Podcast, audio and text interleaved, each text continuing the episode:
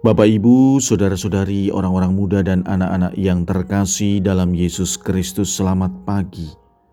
Salam bahagia dan salam saroja untuk kita semua berkah dalam. Bersama dengan saya, Romo Antonius Garbito Pambuaji menyampaikan salam dan berkat Allah yang Maha Kuasa dalam nama Bapa dan Putra dan Roh Kudus. Amin. Hari ini Selasa 8 Maret dalam hari biasa pekan prapaskah pertama. Bacaan pertama dalam liturgi hari ini diambil dari kitab Yesaya bab 55 ayat 10 sampai dengan 11. Bacaan Injil diambil dari Injil Matius bab 6 ayat 7 sampai dengan 15. Dalam khotbah di bukit Yesus berkata kepada murid-muridnya, dalam doamu janganlah kamu bertele-tele seperti kebiasaan orang yang tidak mengenal Allah – mereka menyangka bahwa karena banyaknya kata-kata, doa mereka dikabulkan. Jadi janganlah kamu seperti mereka, karena Bapamu mengetahui apa yang kamu perlukan sebelum kamu minta kepadanya. Karena itu berdoalah begini, Bapa kami yang di sorga, dikuduskanlah namamu. Datanglah kerajaanmu, jadilah kehendakmu di bumi seperti di sorga. Berikanlah kami pada hari ini makanan kami yang secukupnya, dan ampunilah kami akan kesalahan kami, seperti kami juga mengampuni orang yang bersalah kepada kami.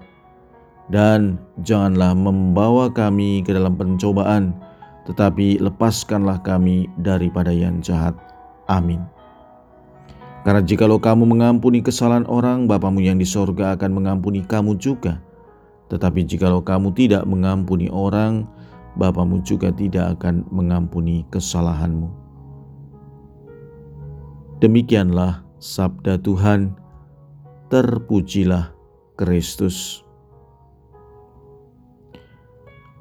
Salah satu cara mengisi masa prapaskah adalah dengan meningkatkan kualitas dan kuantitas doa kita.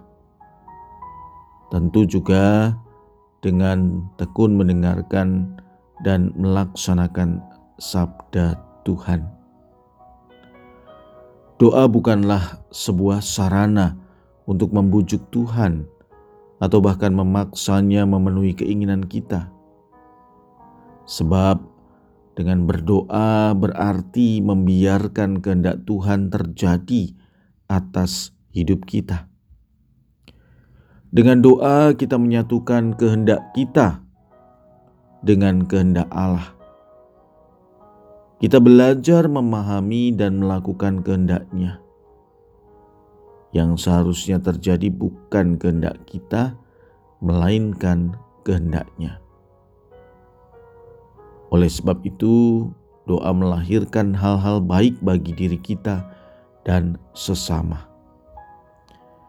Ketika berdoa, kita tidak pernah boleh meminta agar hal buruk terjadi pada orang lain dan agar hal baik saja yang terjadi pada kita. Singkatnya, kalau kita berdoa, mohonkanlah agar hal baik terjadi menurut kehendak Allah bagi diri kita dan bagi sesama kita. Saudara-saudari yang terkasih, kita mengenal doa yang disampaikan oleh Yesus hari ini dengan doa Bapa kami. Ada tujuh permohonan. Tiga permohonan terkait dengan Allah dan empat permohonan terkait dengan kebutuhan manusia. Tiga permohonan yang dimaksud adalah Pertama dimuliakanlah namamu Kedua datanglah kerajaanmu dan yang ketiga, jadilah kehendakmu di atas bumi seperti di dalam surga. Sedangkan empat permohonan untuk kebutuhan kita adalah Pertama, berilah kami makanan atau rezeki pada hari ini. Kedua, ampunilah kesalahan kami seperti kami pun mengampuni yang bersalah kepada kami. Ketiga, jangan masukkan kami ke dalam pencobaan. Dan keempat, bebaskanlah dari yang jahat. Semoga pada masa yang penuh rahmat ini, sebagai pribadi, kita sungguh menyiapkan waktu untuk berquality time bersama Tuhan. Doa dan sabda Allah adalah satu kesatuan. Marilah kita berdoa.